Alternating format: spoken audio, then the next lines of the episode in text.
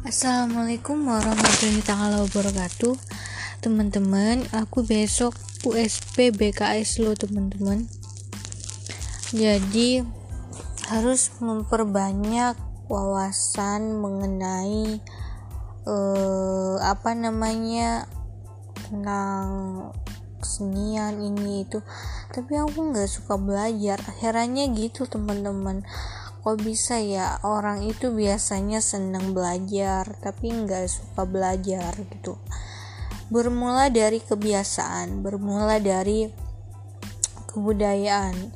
Kebudayaan itu terbentuk dari kebiasaan kita namanya juga budaya berasal dari budaya itu kebiasaan. Jadi kalau kita sudah terbiasa untuk melakukan sesuatu dengan uh, kebiasaan kita sehari-hari dengan belajar. Misalnya kalau kita nggak suka belajar kalau kita digantikan dengan hobi misalnya itu juga termasuk dengan kebiasaan atau kebudayaan gitu teman-teman. Jadi kebudayaan setiap orang itu berbeda-beda teman-teman. Kebudayaannya dari mulai dari hmm, ada yang punya hobi, bakat, minat dan juga dengan meluangkan waktunya dengan belajar.